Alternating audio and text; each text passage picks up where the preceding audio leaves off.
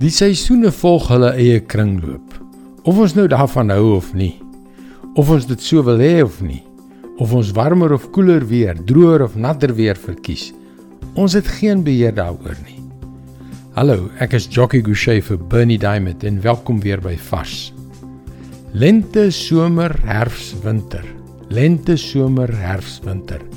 Ons kan niks daaraan doen om dit te verander nie. Dink byvoorbeeld net aan die kontras tussen 'n vleisbraai in die somer en 'n winterpotjie. Soms bevind ons ons egter in 'n fase van ons lewe waarin ons liewer nie wil wees nie. 'n Moeilike en 'n ongemaklike fase miskien. En ons instink is om in opstand te kom, asof ons die winter op die een of ander manier in die somer kan verander. Maar die waarheid lees ons in Prediker 3 vers 1 en 2. Elke ding het sy vaste tyd. Elke ding in hierdie wêreld het sy tyd. Daar is 'n tyd om gebore te word, 'n tyd om te sterwe, 'n tyd om te plant, 'n tyd om plante uit te trek.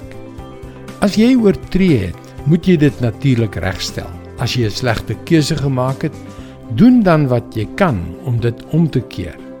Ek sê nie ons moet handjies gevou sit nie.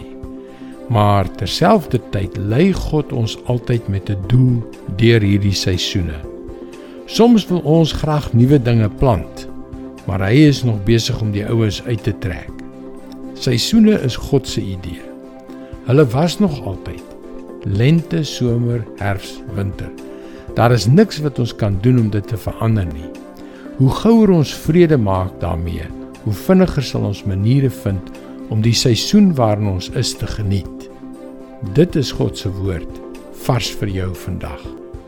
As ons God se stem begin hoor en hom toelaat om sy wysheid, sy planne en sy voornemens in ons harte te openbaar, gaan daar 'n hele nuwe wêreld oop. Daarom is dit so belangrik om inspraak in ons lewens te gee. Stem jy nie saam nie? Ek wil jou graag aanmoedig om ons webwerf varsvandag.co.za te besoek. Daar is baie om oor na te dink om jou te help op jou reis tot 'n betekenisvolle verhouding met God. Skakel weer môre op dieselfde tyd op jou gunstelingstasie in vir nog 'n boodskap van Bernie Diamond. Mooi loop. Tot môre.